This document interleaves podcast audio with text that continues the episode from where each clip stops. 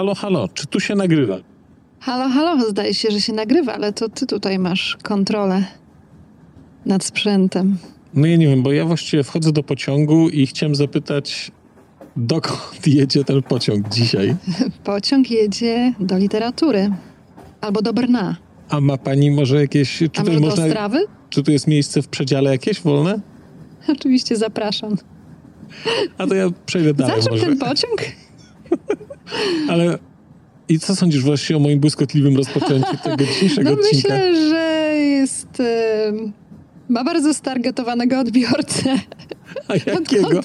pod kątem... Okej, dobra, nie brnijmy w ten... Czy miałeś na myśli może dojrzałych? Nie, nieważne. Tak, miałam na myśli bardzo dojrzałych e, odbiorców, Nie którzy są w powiedzieć- stanie wznieść się na ten poziom wyrafinowanego dowcipu. Marcina. Dobrze, dzień dobry, witamy Państwa. Dzień dobry, dzień dobry. Witamy Państwa w kolejnym odcinku Pociągu do Literatury. Pociągu, który organizujemy wspólnie, ale ten odcinek jest wyjątkowy, bo ten pociąg dzisiaj pojedzie na stację Literatura ze środka Europy. Dlatego, że ustaliliśmy za nią, że czasami pociągi będą jeździć ode mnie, więc witam Państwa, Marcin Piotrowski, podcast Literatura ze środka Europy, a razem ze mną jako konduktorka jedzie dzisiaj Dzień dobry Państwu, Ania z kanału Znalezione Przeczytane. Dzisiaj jestem współprowadzącą i gościem na kanale Marcina. Uznaliśmy, że rzeczywiście płodozmiany jest dobry i dlatego dzisiaj startujemy ze środka Europy, tak dosłownie, prawie, Marcinie. Tak, startujemy ze środka Europy i będzie dzisiaj o środku Europy. Nie wiem, czy to dobrze, czy to źle, ale dzisiaj rozmawiamy o książce Milana Kundery Żart. Książce, którą przeczytaliśmy i to jest ciekawe. Ty, Aniu, czytałaś wersję w jakim tłumaczeniu? Czytałam wersję, mm, chyba jedyne tłumaczenie mamy, może się mylę, y, pani Emilii Witwickiej, dosyć stare. Oczywiście czytałam, skoro w tłumaczeniu, to czytałam po polsku, w przeciwieństwie do ciebie. Aż się boję, ile ja zapamiętałem z tego, co, ile zrozumiałem i ile zapamiętam, bo czytałem już jakiś czas temu. Tak, ale ja czytałem to po czesku jako pierwszą książkę, którą przeczytałem po czesku. To jest żart właściwie. Tak. W ogóle, W ogóle, z tak. literatury pięknej. Z To literatury myślę, że pięknej. bardzo ambitnie, gratuluję ci. Wiesz co, dziękuję, nieuzasadnione gratulacje, bo to jest napisane wbrew pozorom, powiedziałbym prostą czeszczyzną. No Marcin jak zwykle bardzo skromny, Ale nie, naprawdę, no to bez przesady. ale powiedz mi, czytałeś wcześniej po polsku kiedyś, wiele Nie. lat temu i teraz nie, nie, nie, nie, to było, to było moje pierwsze spotkanie z Kunderą w, z żartem, bo czytałem oczywiście, znaczy oczywiście, no czytałem Nieznośną lekkość bytu, czytałem chyba Śmieszne miłości i jeszcze coś zacząłem czytać, nie skończyłem tego, ale to do tego wrócimy. Więc to jest y, po, po latach właściwie Kundera do mnie teraz powrócił. No i z sukcesami powrócił, tak bym powiedział. No, u mnie jest podobna sytuacja. Oczywiście nieznośna lekkość bytu. Książka, którą wiele lat temu czytałam, chyba dwukrotnie nawet. Bardzo lubię. Ale niestety nie udało mi się potem dokończyć drugiej y, jego powieści Nieśmiertelność, którą też zaczęłam chyba w jakimś niewłaściwym momencie. Bo ją porzuciłam, zamierzam powrócić, natomiast cieszę się, że miałam tutaj inspirację, żeby sięgnąć po żart, który też trochę stał na moich półkach i się kurzył. Miałam takie wydanie z tej serii Gazety Wyborczej. Dosyć niewygodne w czytaniu, ale przeczytałam. Przeczytałam. No, minęło kilka tygodni, tak jak teraz siedzimy i to nagrywamy, bo troszeczkę zmieniliśmy kolejność. Wpadł nam e, komiks McClouda przed żartem, a żart przeczytałam wcześniej, więc no już zdążyłam trochę przefiltrować chyba swoje takie pierwsze wrażenia. Pewnie Gdybyśmy to nagrywali jakieś 3-4 tygodnie temu, być może ta rozmowa byłaby inna. Zobaczymy, jak dzisiaj. No ja też y, muszę przyznać, że przeczytałem ten żart dosyć dawno, bo bałem się, że będę go czytał bardzo wolno. I czytałem rzeczywiście wolniej niż po polsku, ale sądziłem, że on mi po prostu dłużej zajmie czytanie po czesku, a okazało się, że mnie też wciągnęła ta książka bardzo mocno, więc miałem też taką naturalną chęć, no taką czytelniczą pasję do czytania, do, do skończenia tej historii, do dowiedzenia się, co się tam stało, więc przeczytałem go w sumie bardzo szybko, jakiś czas temu, ale też pamiętam, wydaje mi się dosyć dobrze. Mogę mylić imiona, ale to imiona nie mają znaczenia, tam są raczej postacie. Tak, Takie. powiedzmy jeszcze może naszym słuchaczom, że jak wybieraliśmy żart na tą listę, to nie kierowaliśmy się tym, co się stało w tym roku, czyli faktem e, śmierci pisarza. I no taka trochę paradoksalna sytuacja, bo kiedy tę listę ogłaszaliśmy, ogłaszaliśmy nasz rozkład jazdy, no to było jakoś dosyć świeżo po i zastrzegaliśmy, że naprawdę to nie z tego powodu. Tak, to było takie, no, takie życiowe bardzo, bo myśmy sobie powiedzieli, że chcę, ty powiedziałaś konkretnie, że ty chcesz ten żart. Powiedzieliśmy super i dosłownie kilka dni później zmarł Kundera i pamiętam, że nawet pisałem do ciebie, że nikt w to nie uwierzy, że myśmy naprawdę tę książkę chcieli wcześniej przeczytać, a nie na fali, jak to zazwyczaj popularności pisarza po jego śmierci. Wszyscy zaczynają czytać różne rzeczy. Tak, no tak się po prostu złożyło.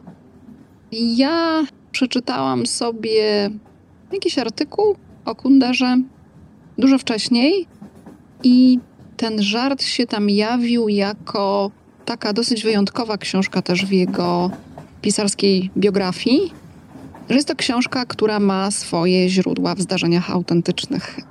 Po części zaraz być może będziesz tutaj prostował, ale no wiemy, że Milan Kundera został relegowany z uczelni e, za sytuację, która no gdzieś tam swoje korzenie miała w, myślę o tym, jak jest skonstruowana fabuła w wydarzeniach y, całkiem podobnych. On studiował y, chyba kulturoznawstwo i filozofię, jeśli się nie mylę. No właśnie, i to mnie zaciekawiło, bo no, jest to też pisarz o tyle ciekawy, że jest pisarzem emigrantem, więc pisarzem dwujęzycznym, który poniekąd y, trochę wyparł się kultury czeskiej i nie chciał też już później, żeby jego książki były w języku czeskim wydawane. Jak czytałam sobie ten artykuł i tam czytałam o żarcie, to też była taka informacja, że kiedy zobaczył tłumaczenie francuskie, pisał, powiedziałam dwujęzycznym, oczywiście pisał później po francusku, po wielu latach e, spędzonych we Francji, to był wściekły też na jakość tego tłumaczenia i stwierdził, że przetłumaczy sam, a potem w ogóle zakazał tłumaczenia swoich dzieł przez innych tłumaczy na język francuski no stwierdził, że sam będzie, będzie dopilnowywał tego, a to jest też taka bardzo wielowarstwowa powieść, która ma wiele też linii narracyjnych. No i tak mnie bardzo zaciekawiła ta książka. Stwierdziłam, że jeszcze skoro odnosi się do jego życiowej historii, to chyba warto po to sięgnąć. Znaczy o tej życiowej historii do końca nie wiem. Wiem tylko, że on w wywiadach mówił rzeczywiście, że każdy pisarz jak pisze, no to jakoś bazuje na tym, czego w życiu doświadczył, ale on to mówił w kontekście tego, że nie musiało jego to spotkać, tylko że czego doświadczył, co widział wokół. Rzeczywiście słyszałem o tej historii z tłumaczeniem, natomiast na, na początku, kiedy o tym słyszałem, to wydawało mi się, że to jest taki typowy autor, który się pieni o to, jak coś zostało przetłumaczone. Natomiast rzeczywiście podobno tak było. I wiem to z czeskich źródeł, bo, bo czytałem, słuchałem to na jakichś czeskich podcastach. Rzeczywiście było tak, że to tłumaczenie ktoś radykalnie zmienił jego styl. Takie bardzo zdania charakterystyczne dla niego powtarzane, ktoś uznał, że w wersji francuskiej to nie może być i przerobił tę powieść. Właściwie można by powiedzieć, że napisał adaptację żartu na język francuski zgodnie z francuskim sposobem rozumienia powieści. Co jak o tym teraz tak myślę, to jest jakimś żartem i absurdem kompletnym. I stworzył inną opowieść i właśnie wtedy Kundera się tak uniósł i powiedział, że nie no, może chyba tak żart. Być. To nie to, może. Że to jest żart chyba. Że to jest żart chyba. No i ta powieść jest też o tyle wyjątkowa, że to jest jego pierwsza powieść, no bo on wcześniej pisał te opowiadania, wydał, wcześniej pisał poezję i był też w latach 40. zaangażowanym komunistą. On jest, porównałbym go do tych polskich pryszczatych. To jest taki człowiek, który zaczynał, który później się rozczarował, który potem odszedł od tego i no, wyemigrował też. Tak, to warto powiedzieć, że rzeczywiście był członkiem Czechosłowackiej Partii Komunistycznej. Chyba nawet tam były dwa epizody wyrzucania go, z tego co czytałam, że potem drugi raz wstąpił. No i tak, przeszedł ten okres cały normalizacji i wyemigrował po praskiej wiośnie. To znaczy, no, normalizacji to nie przeszedł, no bo normalizacja to są 70 lata, już go nie było, on już wtedy był w Paryżu chyba. A, czyli wcześniej. On wcześniej, Wcześniej. on po praskiej wiośnie chyba wyjechał i chyba ostatnią książką, którą napisał po czesku jest właśnie Nieśmiertelność. Później pisał już tylko po francusku. I z kolei jak słuchałem różnych rozmów y, po śmierci w radio czeskim, to Czesi też bardzo wyraźnie mówili, że Francuzi go, można powiedzieć, kulturowo odbijają i traktują go jako pisarza francuskiego. Mówią o nim jako pisarzu francuskim. No bo pisał po francusku, to jest bardzo dobre pytanie. Z jakiego kraju jest dany pisarz, skoro od lat mieszka w tym kraju, pisze? On zresztą jak potem jeździł do Czech, to jeździł incognito, nie udzielał żadnych wywiadów, no był taką osobą całkowicie funkcjonującą poza kontekstem takim no, życia kulturalnego Czech, nawet po odzyskaniu niepodległości, nazwijmy to, po upadku systemu komunistycznego. No ja bym powiedziała, że on się wyrzekł czeskości, e, to chyba tak należy powiedzieć, dlatego że y, uważał chyba, że w ogóle Czechosłowacja po II wojnie światowej została na siłę wtłoczona w jakby ten nurt kultury wschodnioeuropejskiej. A on zawsze postrzegał Czechosłowację, sądząc też po tym, co czytałam, jakieś fragmenty wywiadów, jako część kultury zachodniej. I potem też to się tak fajnie skleja też z, z jego postawą późniejszą, po tym jak już wyemigrował. Podobno zakazywał w ogóle też ustawiania swoich książek w księgarniach y, na półkach z literaturą z tego kręgu Europy, z Europy Wschodniej. No przede wszystkim dlatego, że nie chciał, żeby książki jego stały obok dzieł rosyjskich. I bardzo mu na tym zależało. On napisał zresztą bardzo znany esej na temat Europy Środkowej i kultury. Nie pamiętam tytułu, on niedawno wyszedł, ale to znajdziemy i znajdziecie Państwo w opisie odcinka link do tego. No i też trzeba pamiętać, że on był eseistą, też był człowiekiem bardzo wszechstronnie wykształconym, bo jego ojciec był muzykiem i jego zainteresowanie muzyką i teorią muzyki widać bardzo wyraźnie w jego twórczości, a w żarcie to już w ogóle bardzo mocno widać. Więc to był też taki intelektualista, powiedziałbym, nawet na takim poziomie, no, na, na, wielu poziomach. Tak, jak się jest intelektualistą, to nie, się, to nie jest jedna dziedzina, tylko to jest wiele dziedzin. Humanista, ale też człowiek trudny i wydaje mi się, że mam takie wrażenie, że pewnie moglibyśmy zrobić takie porównanie trochę do Herberta, gdzie powiedzielibyśmy, że jest sporo ludzi, którzy bardzo cenią jego poezję, ale na przykład odrzucają jego poglądy polityczne, czy jego sposób życia, czy to, jak traktował innych ludzi. Wydaje mi się, że tu jest jakaś taka paralela by była, związana z tym, no, że że wiele ludzi po prostu lubi twórczość, nie lubiły osoby i wprost no, miały to się zdarza. Żal. To się By, zdarza, tak, tak, tak. Być oczywiście. może do Herberta, chociaż no Herbert nie wyemigrował, więc on był jednak do końca życia tutaj w nurcie. To jednak troszkę chyba jednak inaczej. No Chyba, że masz na myśli takie imponderabilia. Tak, tak, mm. tak. Chodzi mi o to, że to, co się tworzy, można lubić twórczość, ale można na przykład odrzucać jednak podejście do życia, takie do, do, do, do świata i wydaje mi się, że no, z Kunderą jest trochę podobnie. Być może. Ja mam jeszcze inne skojarzenie, ale to w kontekście tłumaczeń i w kontekście pisarzy dwujęzycznych i porzucania jednej kultury, powiedzmy kultury ojczystej, która się ukształtowała na rzecz innej. To Władimir Nabokow jest dla mnie takim naturalnym skojarzeniem, które przychodzi mi do głowy, który jako Rosjanin opuścił e, swoją ojczyznę wraz z nadejściem rewolucji. Czyli był bardzo młodym człowiekiem, miał 19 lat i potem jeszcze pozostając w Europie Zachodniej pisał trochę po rosyjsku. Natomiast e, kiedy już wyemigrował do Ameryki, potem jeszcze do Szwajcarii, odpisał już wyłącznie w języku angielskim. Ale on też, podobnie jak Kundera, co jest ciekawe, y, bardzo bronił tłumaczeń. Jeżeli zdarzało mu się, że widział właśnie tłumaczenia swoich dzieł e, no właśnie rosyjskich na język angielski, to podobno je poprawiał, a na przykład w przypadku Lolity zdecydował się sam ją przetłumaczyć na rosyjski, co było w ogóle już dla mnie ewenementem i bardzo ciekawym wątkiem, że napisał najsłynniejszą swoją powieść nie w swoim języku ojczystym, albo powiedzmy w swoim drugim ojczystym, no też uznawał Amerykę za swoją drugą ojczyznę, a potem ją tłumaczył, podobno wraz ze swoim synem, na ten swój pierwszy język ojczysty, także bardzo ciekawie. To zamykając wątek tłumaczeń i Chciałem pisarzy powiedzieć, że nie sądzę, że to powiem, ale do brzegu, do brzegu. Lecimy. No cóż, to co? E, żart. Wspomniałeś o tej muzyce, to tak myślę, że naturalnie można byłoby przejść do głównych bohaterów albo głównych narratorów, bo jednym z tych, tam są cztery linie narracyjne i jedną z nich um, wiedzie muzyk. Nurt muzyki ludowej nam się tutaj pojawia. To może byśmy jakoś tak zaczęli od tych linii narracyjnych i spróbowali się zastanowić, czy któraś z tych linii jest dominująca, bo chyba jest. To znaczy, powiedzmy sobie tak, żart zaczyna pewien sposób pokazywania świata Kundery, jak się teraz na to patrzy, to wydaje mi się, że to była taka powieść, która trochę otwierała u niego fascynację postmodernizmem i taką zabawę z konwencją, z narratorem. I ja teraz tak na tę książkę patrzę. Ja na nią patrzę jako na książkę taką, no, początek postmodernizmu w wykonaniu Kundery.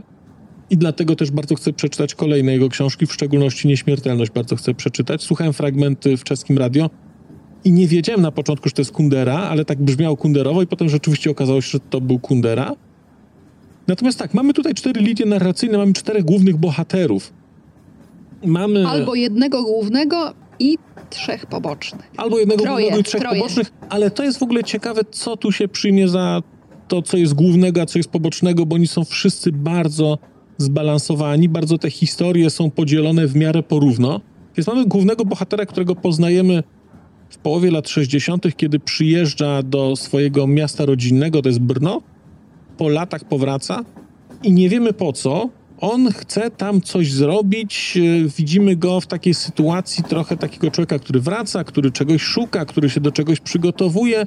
I to jest taki bohater, który jest typowym bohaterem kundery, cyniczny, powiedziałbym, że mizoginiczny do jakiegoś stopnia, taki, no taki niefajny. Lekko zepsuty, Taki zepsuty, taki, który ma... ale też czuje się od początku, że przyjeżdża z jakąś wyraźną misją.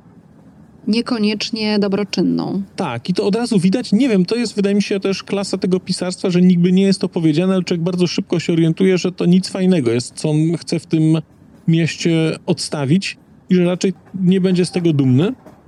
I to jest jeden bohater. Później mamy jego historię pokazaną. Powiemy, i do- jak się nazywa? On się nazywa... Ludwik Jan. O, Ludwik Jan, właśnie. I Ludwik jest człowiekiem, którego historię później poznamy w takich bardzo silnych, głębokich retrospektywach. Poznamy jego historię. Drugim takim bohaterem jest, nie pamiętam jak on ma na imię, ten od muzyki, Jarosław. Jarosław, czyli człowiek, który jest związany z kulturą ludową i w ogóle bardzo silny jest element kultury ludowej w tej książce, ale zupełnie inaczej to jest pokazane niż w Polsce. Mamy tam wątek czegoś, co się nazywa jazda kralow i to jest taka tradycja, która w części Moraw do tej pory funkcjonuje, rodzaj takiego święta, którego proweniencja nie jest do końca znana. Tam jest mnóstwo teorii, co to symbolizuje. Ja wrzucę Państwu też link do filmów, y, do tej jazdy królów. Zobaczycie Państwo, jak to wygląda. Wygląda to szalenie interesująco, bo to są przepięknie przystrojone konie, ale przepięknie. Czy to są w jakichś kwiatach całe okryte? I jest mnóstwo tam takich bardzo symbolicznych rzeczy, jak na przykład chłopiec, który jedzie przebrany za kobietę, trzyma w ustach róże. Inni, którzy go bronią. Niesamowita, głęboka historia i to jest tutaj pokazany cały ten wątek i to jest wątek Jarosława i jego syna. Mamy wątek... No właśnie, kogo dalej mamy wątek? No, może teraz powiemy o kobiecie, bo chyba druga narracja, która się pojawia po głównej narracji Ludwika Jana, to jest narracja Heleny. Kim była Helena? Helena, czyli kobieta, którą... Hmm. O Jezu, ale będziemy Ja musieli myślę, strasznie że, że, zaspoilować że po może prostu. byśmy Będziemy tutaj przy Helenie zrobili pewien e, znak zapytania i zostawili, bo rzeczywiście dużo byśmy musieli powiedzieć. To jest jedna z kilku bohaterek kobiecych występujących w tej książce, ale ona jest bardzo powiązana z głównym bohaterem, z Ludwikiem Janem. I z ostatnią jakby częścią jego życia, przynajmniej tego życia, które poznajemy na kartach tej powieści, i wiąże się z tą misją. Ona jest pewnym środkiem do celu, tak można powiedzieć, dla tegoż mężczyzny. No i ona wiedzie swoją narrację też retrospektywną, ale potem się te elementy nam układają. Widzimy, gdzie jest miejsce Ludwika Jana. I cóż, no Ludwik Jan w jakimś stopniu chce wykorzystać Helenę do zrealizowania niecnej misji, którą jest chęć zemsty, tak najbardziej ogólnie mówiąc, nie przechodząc jeszcze do, do, Zemsty do zdradzania szczegółów. Poniżenia. Znaczy zemsty poprzez poniżenie kogoś, poprzez poniżenie swojego no, przyjaciela, to nie, znajomego z okresu młodości. Natomiast mam problem teraz, Aniu, jak sobie o tym myślę, że te wątki są tak splecione, że no nie bardzo wiem, jak to zrobić, żeby tego nie zespoilować, a ten wątek się odkrywa, co on chce zrobić i po co on to chce zrobić i odkrycie tego no, mnóstwo zmienia w tej książce. Postaramy się, żeby za dużo nie zdradzić, ale myślę, że ważne jest, żeby przedstawić te cztery linie narracyjne, bo potem łatwiej będzie nam też rozmawiać, tak żeby to było bardziej zrozumiałe może dla A słuchaczy. czwarta jest która? I czwarta to jest narracja kostki bohatera, który zajmował się, był lekarzem, jeśli dobrze pamiętam. Tak, był lekarzem, tak. Znaczy może nie lekarzem, tylko pracował w szpitalu, jakichś badaniach biologicznych, coś Tak, takiego. tak, tak, tak. Związany z medycyną, natomiast nie jest lekarzem, ale wszyscy niego mówią doktorze. Tak, pracuje tak. w To też jest taka postać, no też właśnie y, splatająca po części wszystkie pozostałe wątki, dlatego że Ludwik Jan pożycza od niego mieszkanie, żeby zrealizować swoją misję, więc poniekąd też służy y, osiągnięciu celu Ludwika Jana. No tylko, że on nie, wie, bo I to jest chyba taki, moim zdaniem jest to y, narracja, która jest chyba taka najmniej wybijająca się w całej książce. Tak, ona jest bardzo dyskretna, co więcej, on bardzo jest wyraźnym przeciwieństwem Jana, bo o ile Jan jest człowiekiem wybranym z emocji, człowiekiem nastawionym na zemstę, na rozliczanie przeszłości, o tyle ten Kostek jest człowiekiem silnie religijnym, w takim Tak, tutaj pozytywnym... jest taki bardzo silny nurt chrześcijański, bym powiedziała. On rzeczywiście Ząbkowskim. stara się żyć ewangelicznie, stara się ludziom pomagać, stara się być dobrym i nawet on nie bierze pod uwagę tego, co chce zrobić Jan, bo on nie wie. On mu pożycza to mieszkanie, użycza go, wie, bo zna e, swojego kolegę, wie, że to jest, no powiedzmy, kobieciarz i domyśla się, że on chce w tym mieszkaniu spotkać z urządzić. kobiecą, ale no zakłada, że po prostu jest to czysty cel erotyczny, tymczasem tam jest coś dużo głębszego. Tak, ta historia jest bardziej, bardziej zawalowana.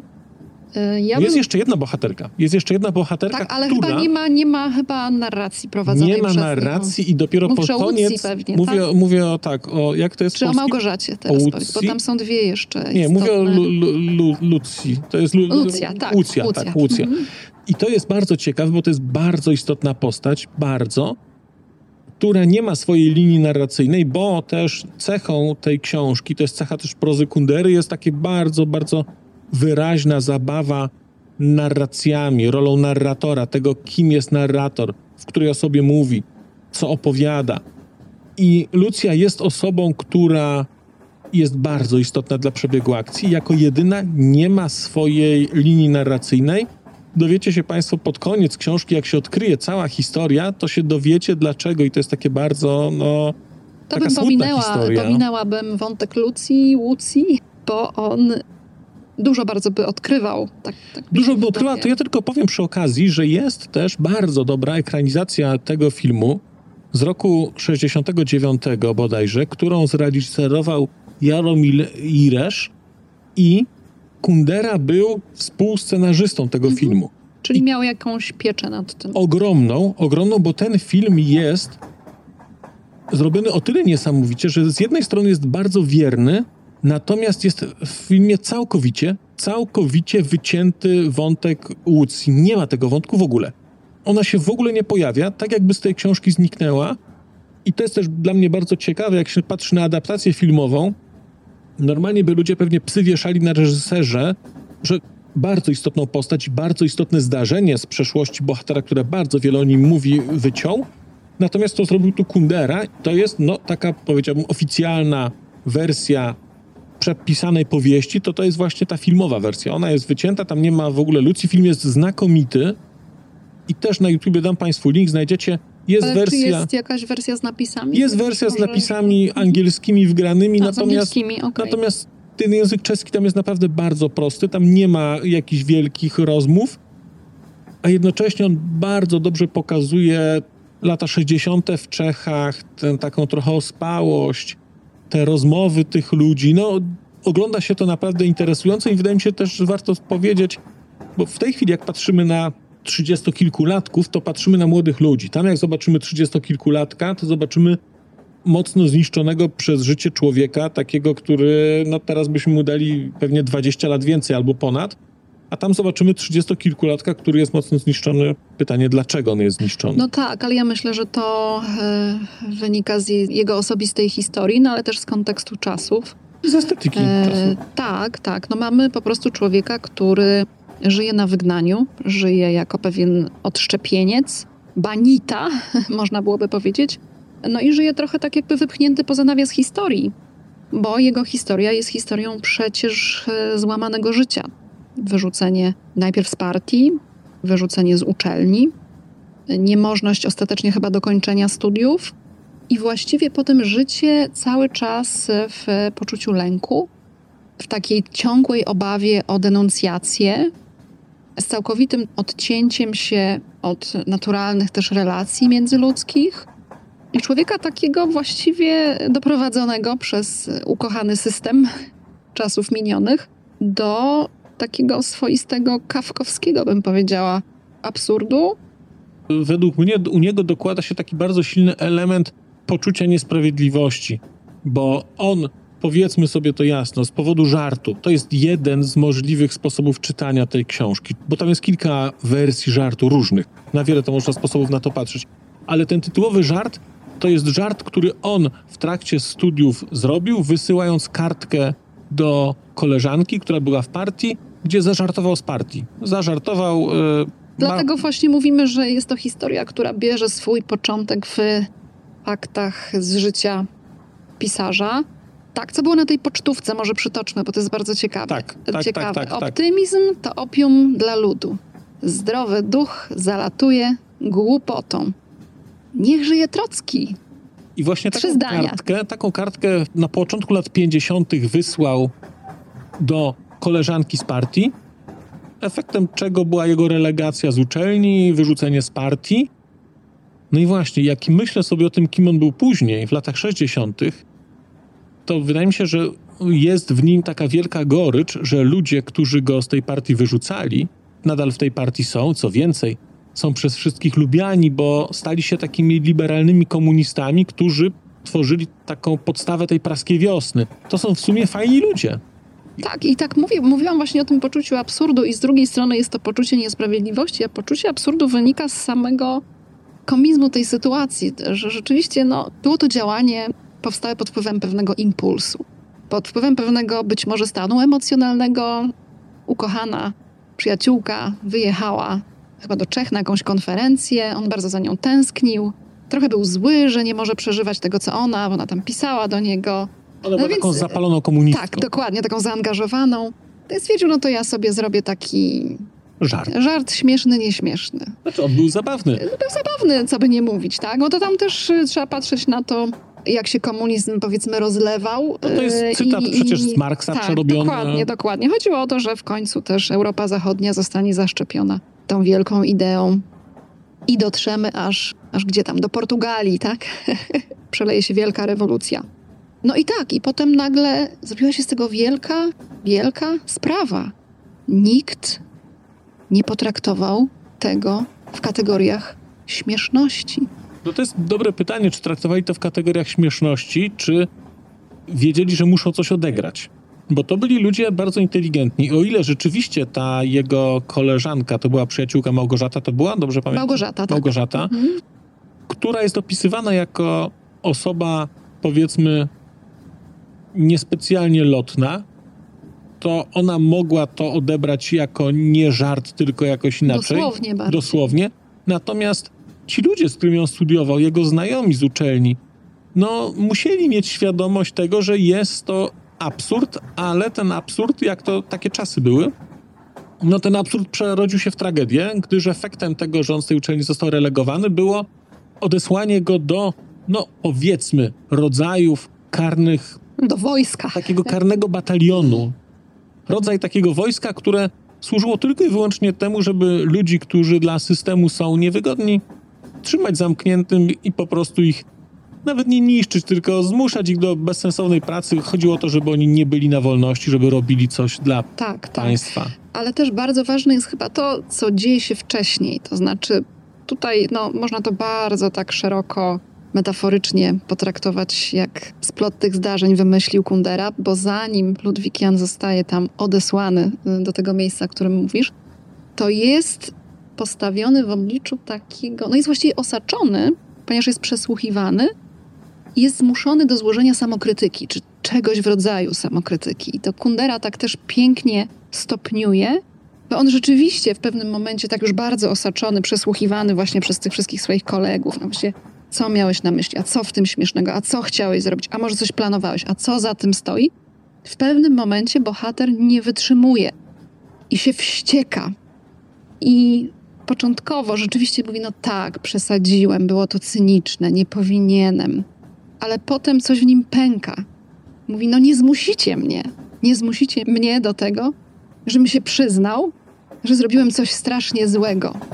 I to jest bardzo ciekawe, no bo tak jak potraktować to bardziej tak, tak alegorycznie, to wydaje mi się, że Kundera pokazał, jak y, okrutny był to system w ogóle dla, nie tylko dla intelektualistów, bo to przede wszystkim, ale w ogóle dla człowieka. I jest to bardzo gorzka refleksja.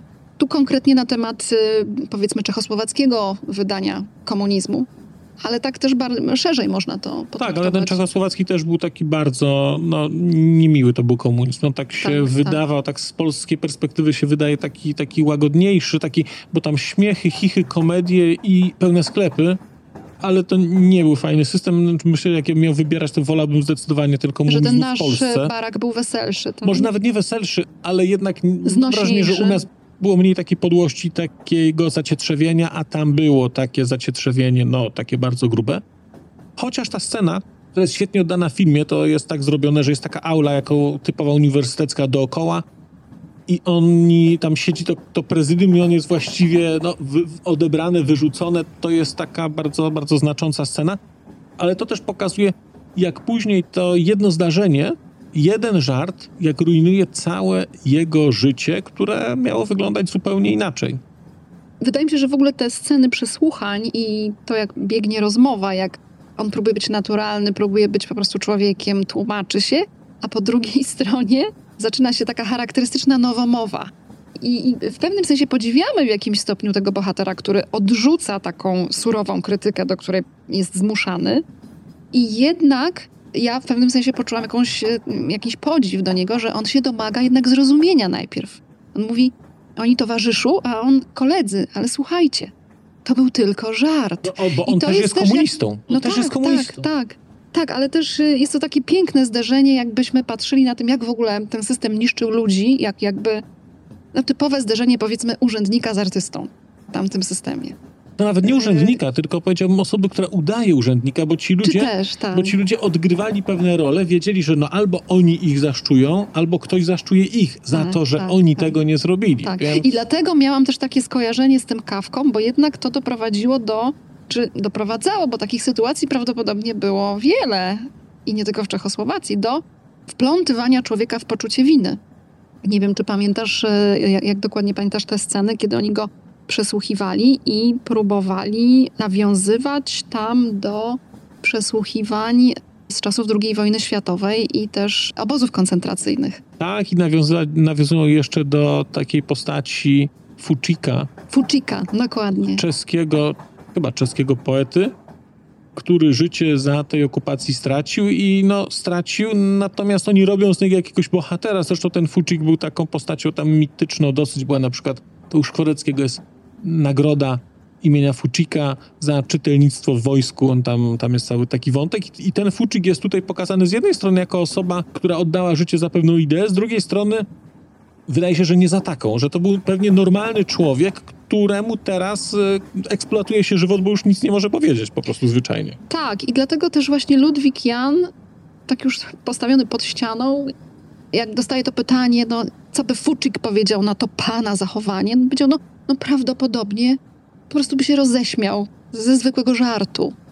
Ale też to wszystko, co się dzieje i to, jak to się kończy, też moim zdaniem pokazuje, do jakiego stopnia osaczenia komunizm doprowadzał ludzi, że oni naprawdę w pewnym momencie zaczynali wierzyć w swoją winę. No to jest przecież znamienne dla tych wszystkich ludzi, którzy w ZSRR byli zsyłani do łagrów i też na pewno wielokrotnie o tym e, czytałeś, że oni nawet po latach, po części uważali, że tak, byli winni, że nie zrobili za dużo, albo że za, może za bardzo się uśmiechali wtedy, kiedy nie trzeba.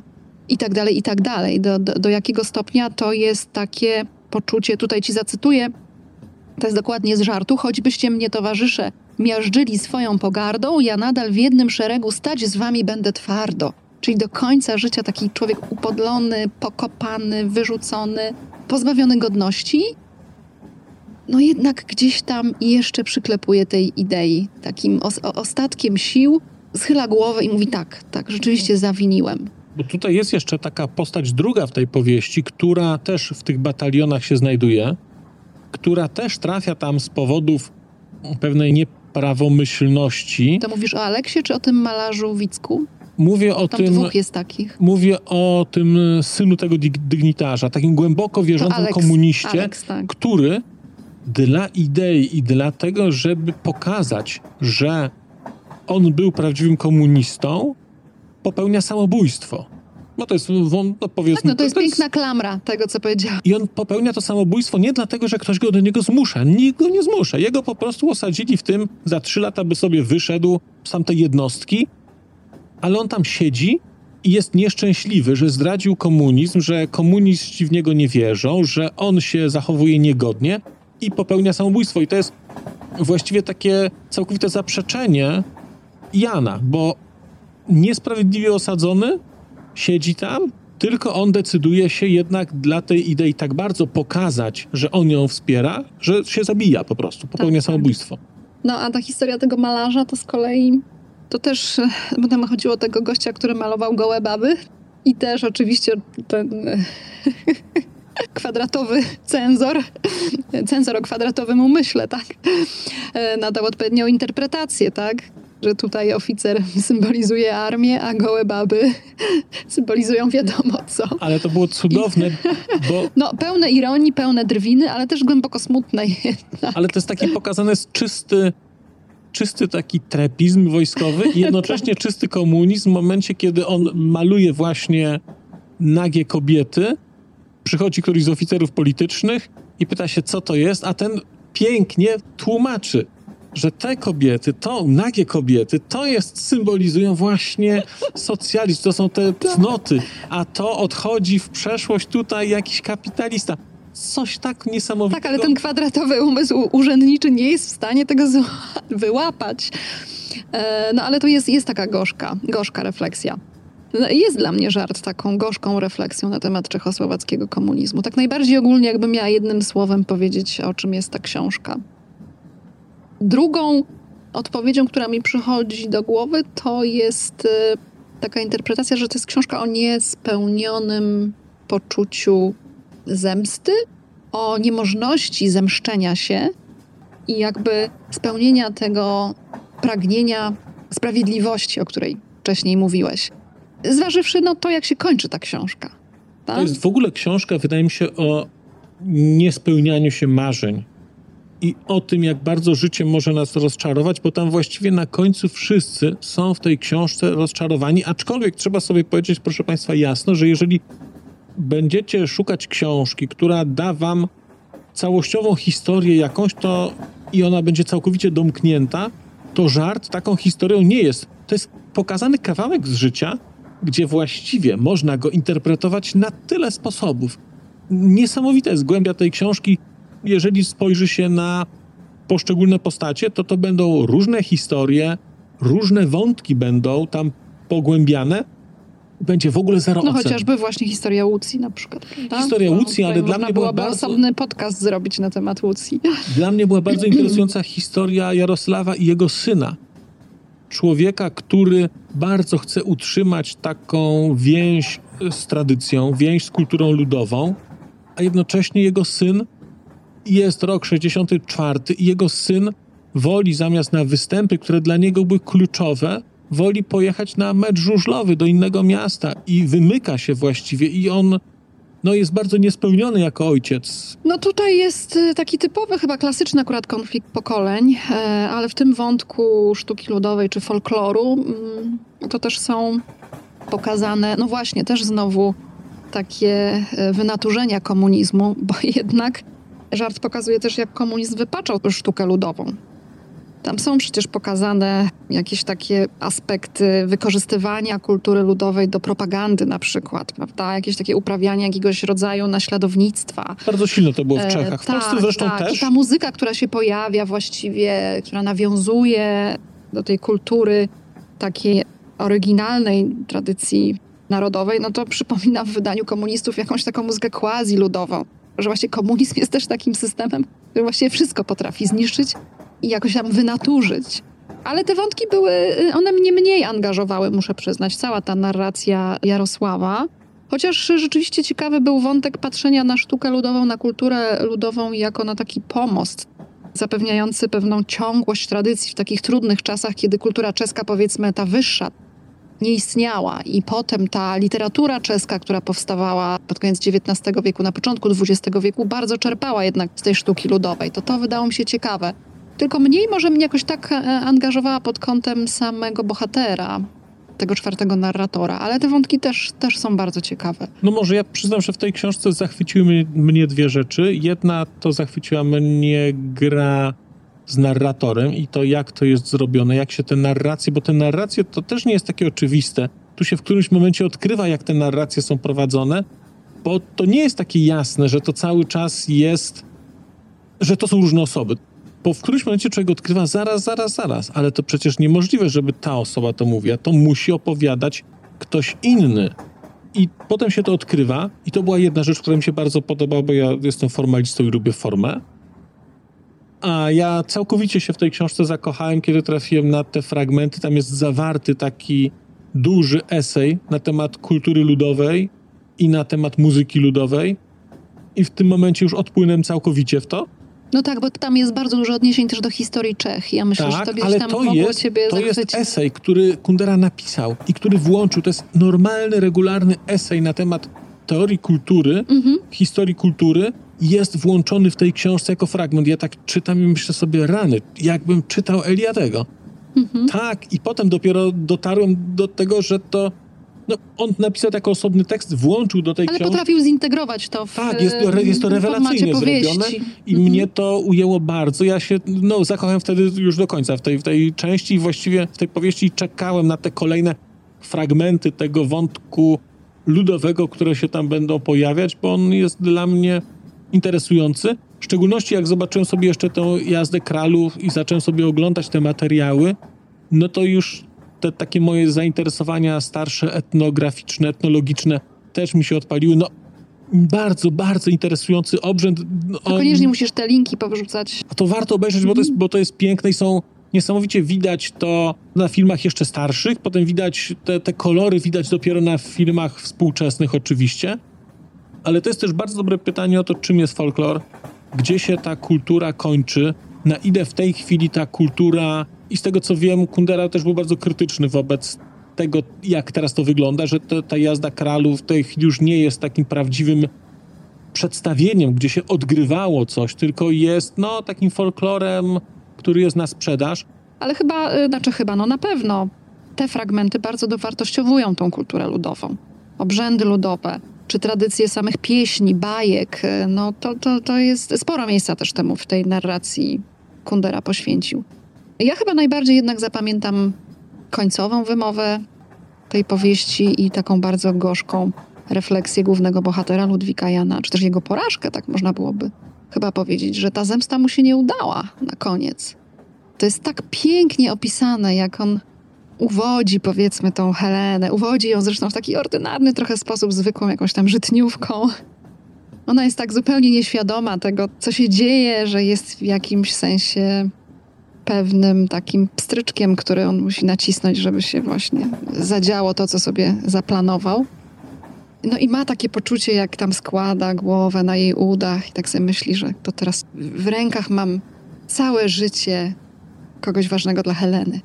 A potem się okazuje, kiedy dochodzi do konfrontacji na jakimś tam towarzyskim spotkaniu, że właściwie ten ktoś jest całkowicie obojętny. Mówi sobie, jestem liberalnym człowiekiem, nie wnikam w prywatne życie Heleny.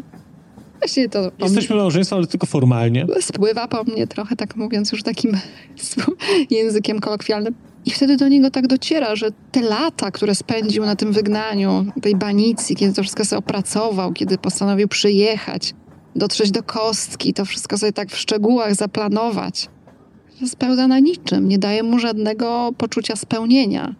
Jest takim, e, no jest taką właśnie opowieścią o niespełnionej zemście. No takim przegraniu, jednak też o tym można by to było też tak interpretować, że jednak jak te złe intencje nigdy nie dadzą takiego prawdziwego spełnienia, no bo nagle się okazuje, że nie damy rady. No nie damy rady, bo po prostu jak ktoś odpowiada nam miłością, to nie da rady się tego w taki sposób brutalny zniszczyć, zepsuć. Tutaj bym powiedziała, że jego spotkała obojętność. Obojętność to jest to, bo jeżeli człowiek chce dokonać zemsty, to to, co przynosi satysfakcję, no to cierpienie, które widzisz w oczach swojego wroga. I to jest, wtedy się ta zemsta dopełnia.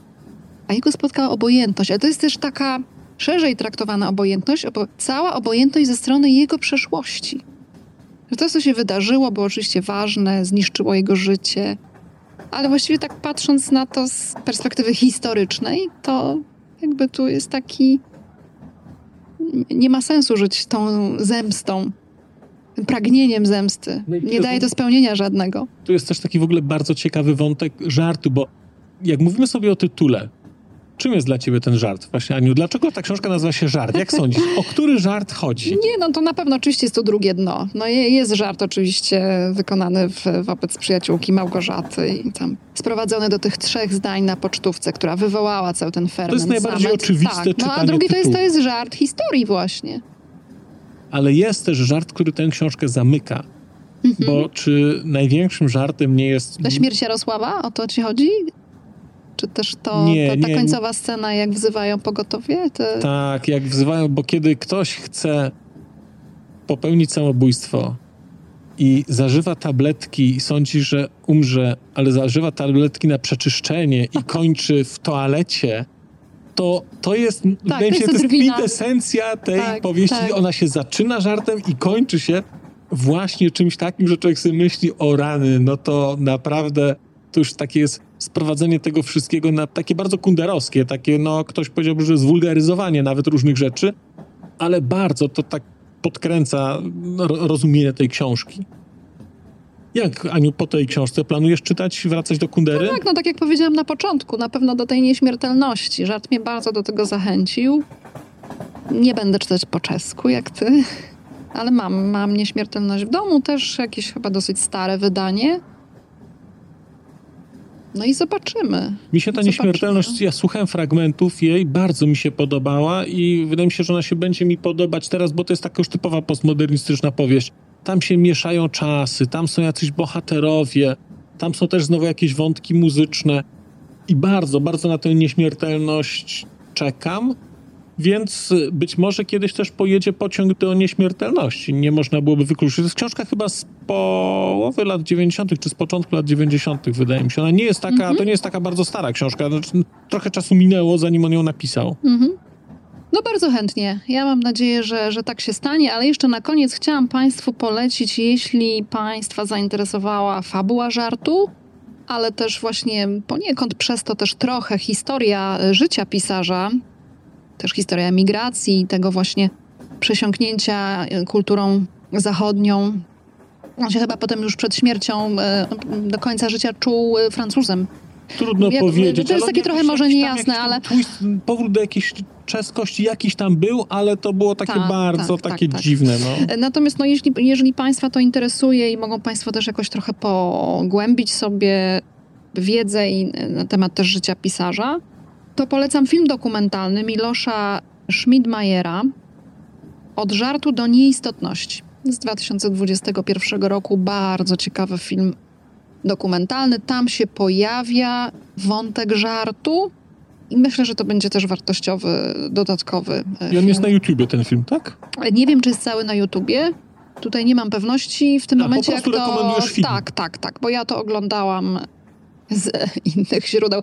Prawdopodobnie na jakimś kanale telewizyjnym oglądałam, ale nie pamiętam.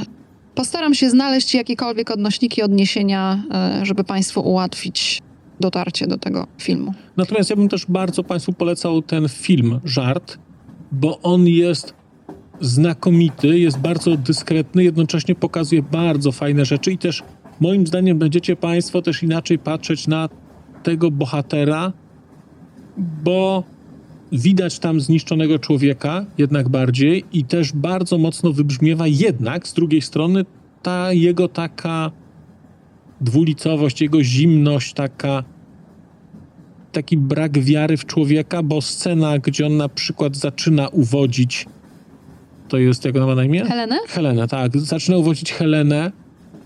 To jest, no, ona jest bardzo taka, powiedziałbym, brutalna.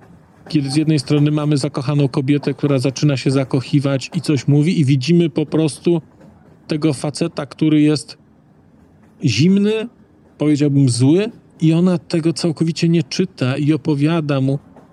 I jest Tak, jest zupełnie inna percepcja. Niesamowicie, to jest niesamowicie Tak, to jest To jest bardzo prosta scena, dwie osoby w pokoju rozmawiające i wszystko się odgrywa, na- nawet nie Tak. trzeba rozumieć języka, wystarczy posłuchać, jak oni się do siebie odnoszą, jak ona mówi, jaki ma tembr głosu, jak on mówi, ile tam, jakie tam są uczucia w tym. Niesamowicie to jest zrobione, niesamowicie, yy, niesamowicie Także polecamy, polecamy te dwa filmy, ale przede wszystkim polecamy książkę. Ja jeszcze na koniec bym chciała powiedzieć, żeby Państwo może się nie zrażali tą e, wielonarracyjnością, bo też wiem, że są czasami tacy czytelnicy, którzy słyszą, że tam są jakieś takie lekko postmodernistyczne chwyty, czy tak jak ty zareklamowałeś na początku tę książkę, to wiem, że są osoby, które od razu odrzucają.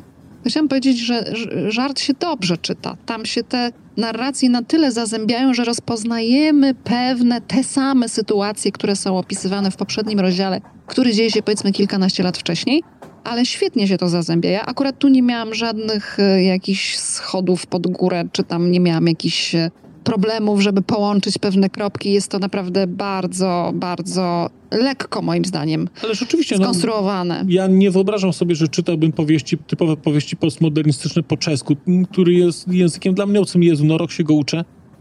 Ale tę książkę dałem radę przeczytać, bo po prostu ta historia jest dobrze napisana i ona nie, nie jest trudna. Jak mówię o postmodernizmie, to ja po prostu rozpoznaję pewne elementy struktury, pewne elementy gry narracyjne, ale one są tutaj tak delikatne i no nie, nie, to się czyta świetnie. A poza tym jest taka bardzo świetnie- jednak żywa fabuła. Tam występują postacie z imienia, z nazwiska, które się właśnie powtarzają i naprawdę bardzo, bardzo lekko to wchodzi, że tak Ale też trzeba powiedzieć, że cały obraz tego, co się wydarzyło, właściwie dostaną Państwo dopiero na końcu. Wtedy to się wszystko złoży w taki całościowy Jak obrazek. zawsze w dobrej literaturze.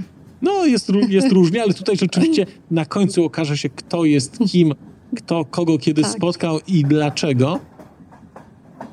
I jeszcze powiedziałem tak, zanim skończymy, reklamowaliśmy ostatnio w pociągu, że pojawi się y, śmierteńka w pociągu do literatury. Tak, a nagle państwo otrzymują tutaj... A tu jest żart.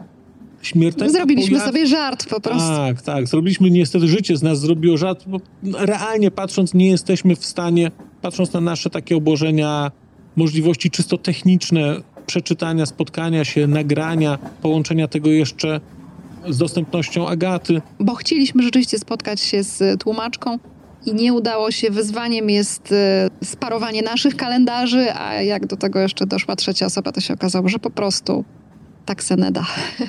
Natomiast śmiertelka będzie, bo śmiertelka będzie, ja na pewno będę się starał Agatę zaprosić do siebie, czyli ona się pojawi w ramach, mam nadzieję, podcastu Literatura ze Środka Europy. Ania, mówiłaś ty też, że na pewno będziesz chciała o śmiertelce opowiedzieć u siebie Na pewno będę chciała, ponieważ mam egzemplarz. Książka nie jest długa, także pojawi się w, tutaj, wynagrodzimy w postaci dwóch osobnych filmów czy podcastów. Może wejdziesz w jakąś interakcję z tym, zależy kto będzie, kto pierwszy nagra. Zobaczymy. A tymczasem pożartowaliśmy dzisiaj trochę, chociaż poważnie też było, myślę, i refleksyjnie. Chyba.